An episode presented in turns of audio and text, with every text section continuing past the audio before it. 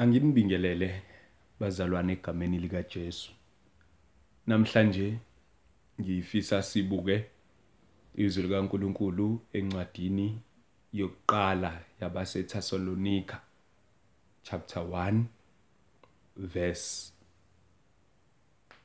1 to 10. Asikhuleke egameni likaJesu.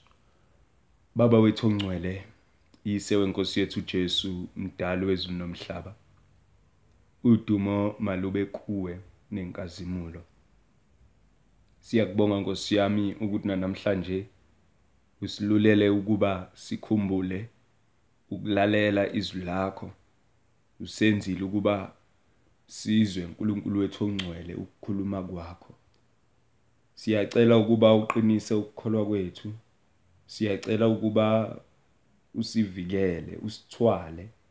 Usakhe Nkosi yami egameni lika Jesu senziwe Nkosi yami njengabantwana bakho saluswe nguwe. Sakhe Nkosi yami ngezwi lakho ukuba siphile siphilele wena senze intando yakho kusukela manjena kuze kube kuphakade. Baba siyazithoba siza kuwe egameni lika Jesu khuluma ke kithini izwi lakho kusukela manje kuze kube kuphakade. Amen. Siyafunda ke bazalwane. Sifunda incwadi yabaseThessalonika yokuqala uchapter 1 eh uverse 1 to verse 10 kodwa eh sizokhuluma kakhulu ngoverse 9 noverse 10 asifundeni ke. oPauli noSilvano noTimotheu kulo ibandla labaseThessalonika elikuNkulunkulu. uBaba nasenkosini uJesu Kristu makube kini umusa nokuthula. Sibonga uNkulunkulu njalo ngani nonke siniphathe emkhulekweni yethu.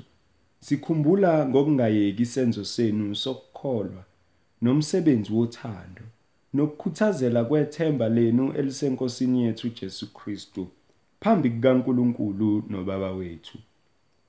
Sikwazi bazalwane abathandiwe nguNkulunkulu ukukhethwa kwenu.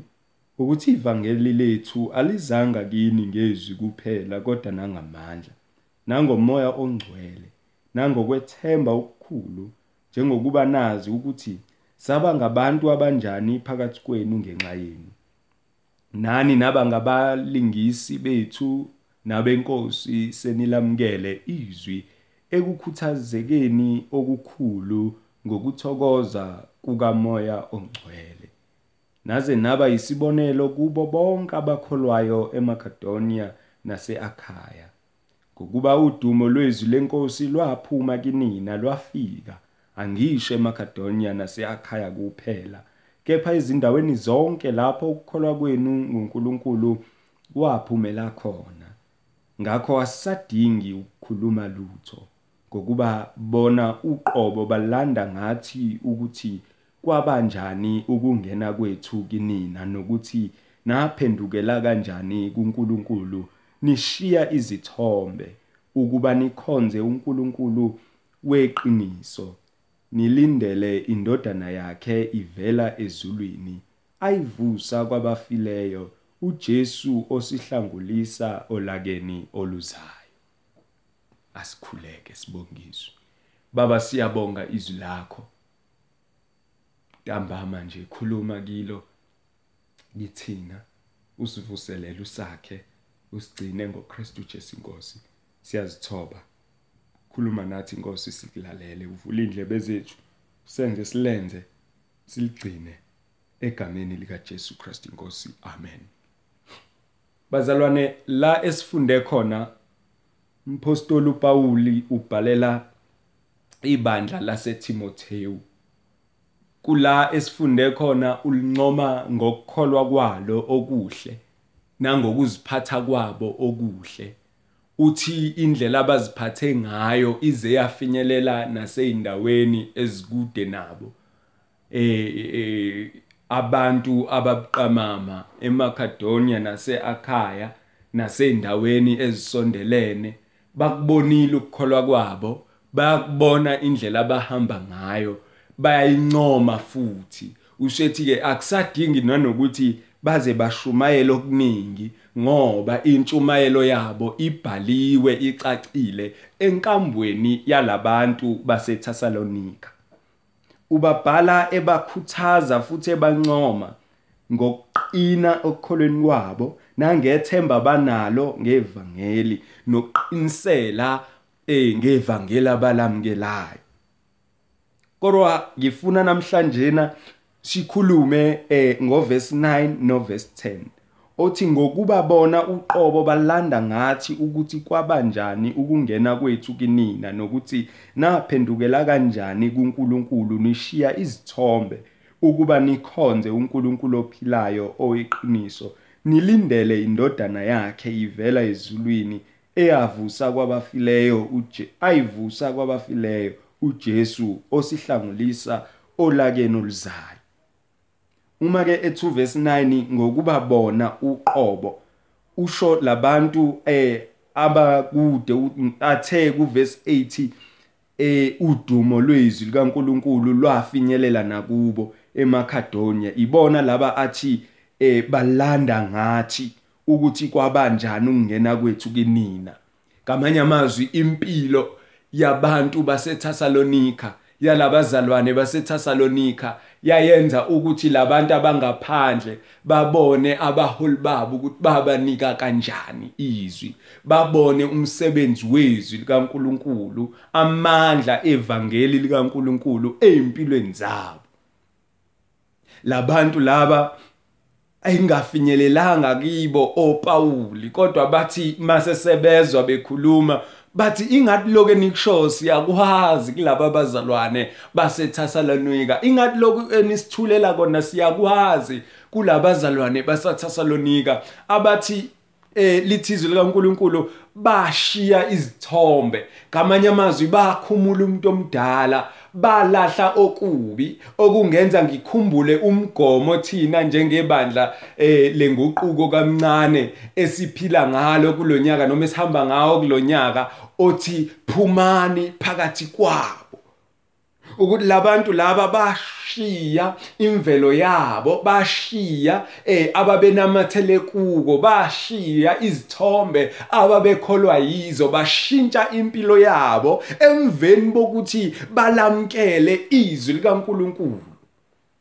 Ngoba izwi likaNkuluNkulu alikwazi ukufika kuwe likushiye unje ngoba kade unjalo mase lifikile izwi likaNkuluNkulu empilweni yakho mawusulizwile izwi likaNkuluNkulu lifika lenza umehluko lifike lihlabe lehlukanise lifike liqondise likuyale likufundise ukuziphatha mokade ungaziphethe kahle. Mase lifikile izwi likaNkuluNkulu likwenza nawe uzusuka ubufakazi impela ngamazwi nangenkambo ilokhu labantu baseMakedonia nabase-Akhaya abafakaza ngako ngebandla laseThessalonika ukuthi hayi sikubonile.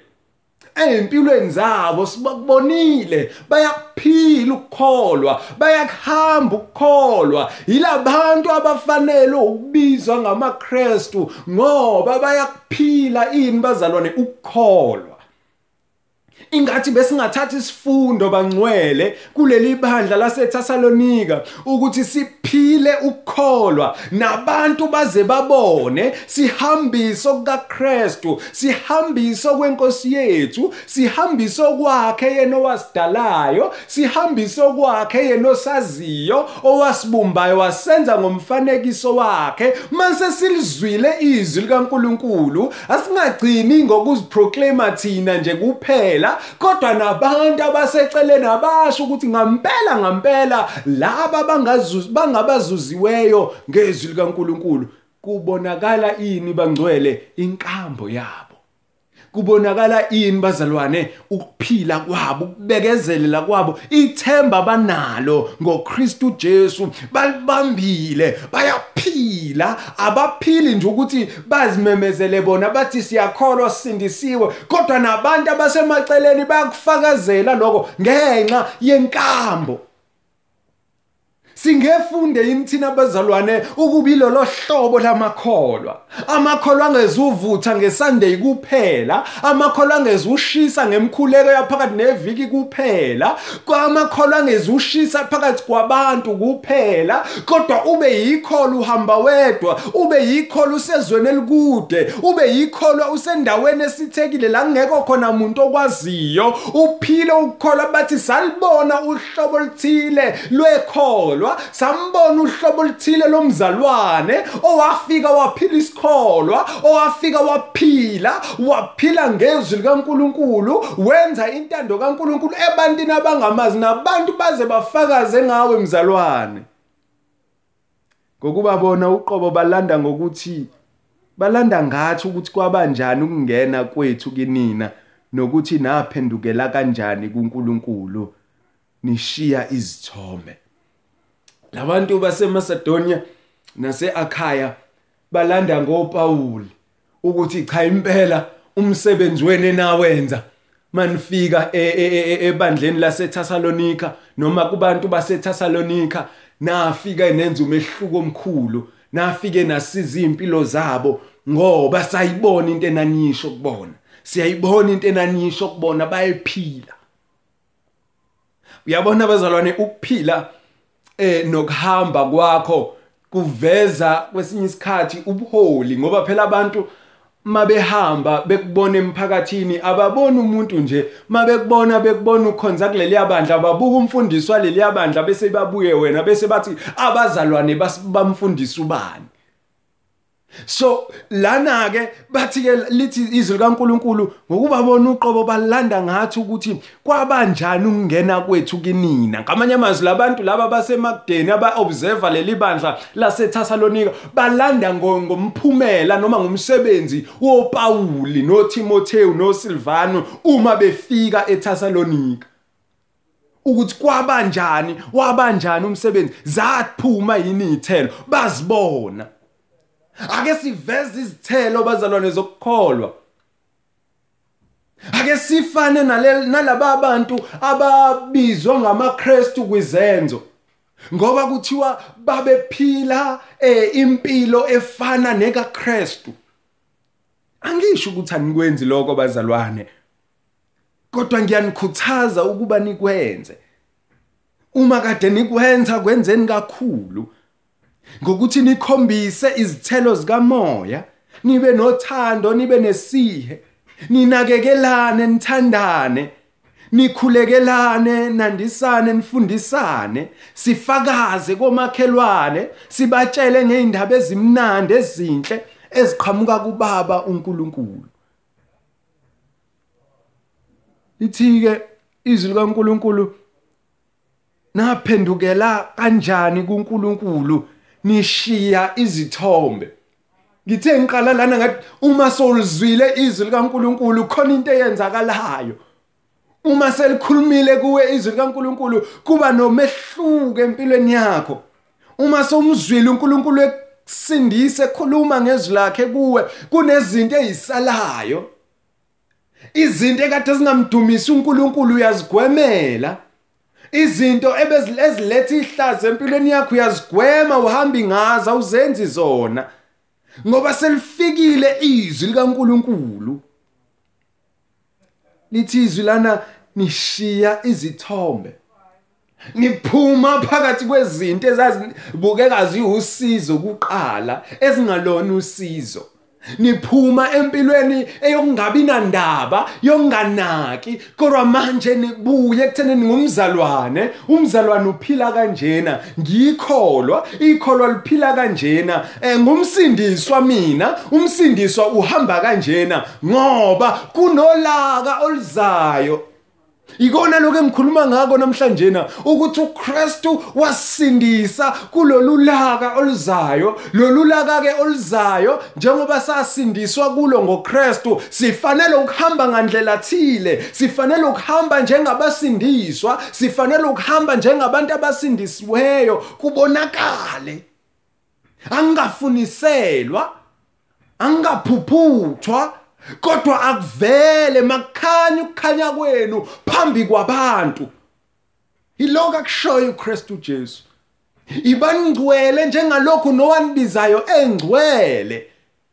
Yilowo umyalezo bazalwane sihlele emakhaya silalele izwi likaNkuluNkulu asibengcwele asilindeni patiently silindeni sigcinile ukukholwa. Akuthi noma zisivukela izinto sibe nenkuthazo sibe nokwazi ukuthi lukhona ulako lunzima olwalufanele ukuba lusehlele khona usizi olunzima ekwakufanele ukuba sidlule kulo kodwa uKristu ngomusa kaNkuluNkulu akavumanga ukuba sidlule kukho wasindisa akavumanga uKristu akavumanga ukuba sife akavumanga ukuba silahlwe ngezono zethu. Sesilamkelisiwe izwi likaNkuluNkulu asiphile ngokubonga sibonga uNkulunkulu ukuthi wasenzela umusa. Asiphile ngokubonga siphila kanjani ngokubonga? Siphila ngokwenza intando kaNkulunkulu. kaNkuluNkulu bangcwele. Siphila ngokwenza intando kaNkuluNkulu asenze intando yomuntu asenze okubukeka kukuhle emehlweni abantu kodwa senza okuhle emehlweni kaNkuluNkulu. Ukuba nikhonze uNkulunkulu ophilayo weqiniso munye uNkulunkulu weqiniso munye uNkulunkulu andisiza kuye ngendlela eyodwa ngoKristu kuphela othi yena uyisango nendlela neqiniso. Usiya kubaba ngaye kuphela. Ngaphandle kwakhe singembona ubaba ngoba indlela yethu isilidele sonweni kodwa uKristu usisa kubaba uNkulunkulu. Nilindele noma nilindele indodana yakhe ivela ezulwini. Ayivusa kwabafileyo uJesu osihlangulisa olakeni oluzayo. abaseThessalonika bakugcinile ukukholwa. abaseThessalonika baphila ukukholwa. Banethemba balindile. Balindeni bazalwane indodana kaNkuluNkulu. Enkosi yami ekuyiyona esisindisayo okuyiyona eyasindisayo olakeni oluzayo olakeni olunzima isihogo ukufa okungunaphakade. Yena uKristu wasindisayo ukuba singakuboni ukufa kodwa sizuze ukuphila. Ngosiyamisho njalo uJohn chapter 3 athi ngokuba uNkulunkulu walithanda izwe kangaka wazanikela ngendodana yakhe ezelwe iyodwa kuba yilona lo kholwa yiyo angabhubhi kodwa abe nokuphila okungunaphakade isifula kuphela esikhetha ukufa ukuphila kubekiwe. Aha ubangcwele. Asihlaleni nathi sibe naleli themba. Sibe nalokuphila siphile ukukholwa sibe silindile indodana kaNkuluNkulu ayivusayo kwabafileyo uJesu Kristu okuyena wasindiso lake nolizayo simi futhi simemezela ukuthi uKristu wasindisa phela sisho njalo masithi singabasindiswa. Sisho njalo masithi singamakholwa sikholwa ukuthi uKristu wasisindiso lake nolizayo. Sikholwa ukuthi asiseyi ukubona ukufa ngoba okholwayo indodana kaNkuluNkulu unokuphila okuphakade futhi lowo okhululiwe indodana yomuntu ukhululekileyo impela. Ngakho ke simi sinalobo bufakazi simi sinaleso sibindi simi sinalobo kuqiniseka bokuthi ewe siyakholwa and silindele ukubuya kaKristu uma ebuya uKristu sisa kubaba masifika kubaba siya kumkhonza ingunaphakade sijabulile aseyukuba sosizini aseyukwesela aseyukulamba aseyukoma aseyukuhlukunyezwa aseyokocwaswa ngokwebala asiyokuyokuhlukunyezwa ngokwejenda kodwa siyohlala enduduzweni yaphakade efumaneka ngomusa efumaneka kuphela kuKristu. Hayi komuntu Ah ngosiyami uJesu ohlangulisa olakeni oluzayo namhlanje nakusasa sibhekana nezinkinga namhlanje nakusasa sibhekana nosizi kodwa luncane as compared to usizi lwalabo abangayukumamkela uKristu njenganenkosi nomsindisi. Sango lisavulekile. Sango lakhona nguKristu Jesu. Hlabelelo mdala hlabelelo mdala uthi nawe ungeze ekhaya lami uziphumele uziphumulele. Sango lakhona isango nguJesu. Bazalwane na umyalezo namhlanje na uKristu Jesu usihlangulisa noma wahlangulisa olakeni oluzayo. Kristu Jesu wasindisa olakeni oluzayo ngakho sihlaleni sikhululekileyo. Yebo mhlawumbe uJesu akaze ufika namhlanje nakusasa kodwa uyeza. Mhlambe abanye bethu bazodlula bengambonanga efika kodwa uyeza. And futhi sinaloku uqiniseka kokuthi noma sidlula namhlanje na siyakubaba ngoba sikholwa uKristu. Nangu uKristu oyisaba nangu uKristu eyindlela yaphakade yoyakubaba ayikhenye. Ningakhohliseki ningakhohlisani. ingoKristu kuphela. Yena wasindiso lakeno lizayo masiyeni kubaba usivulile izandla. Nkosi yomusa mayinibusise bazalwane nivuseleleke nisemakhaya asikhuleke. Baba wethu ongcwele yise wenkosi yethu uJesu umdalo wezulu nomhlaba. Siyabonga izwi lakho. Siyabonga siyamka usikhumbuza ukuthi singabakhuliwe impela futhi sifanele ukuma eh sibonga sikholwe siqinisele uNkulunkulu wethu ongcwele sazi ukuthi uKristu yeza and uma efika uzolanda abangabakhe. Baba siyabonga ukuthi usenzile ngosiyami hayi abalahlwa kodwa abasindiswa. uNkulunkulu wethu ungcwele wasenza abakhethiweyo ababuthiweyo ukukhethwa kwethu kuyafakazelwa izwi lakho. Baba wethu ongcwele siyabonga ukuthi wasenza isizwe kade singasona isizwe. Baba wethu ongcwele hlala nathi. Silondoloze ngokukholwa usigcine usivikele njalo usakhe ngoKristu Jesu inkosi. Musa wenkosi yethu uJesu uthando lukaNkuluNkulu Baba inhlanganyelo kaMongcwele makube nathi sonke kusigcine kusilondoloze azafika uKristu Jesu inkosi yethu. Amen.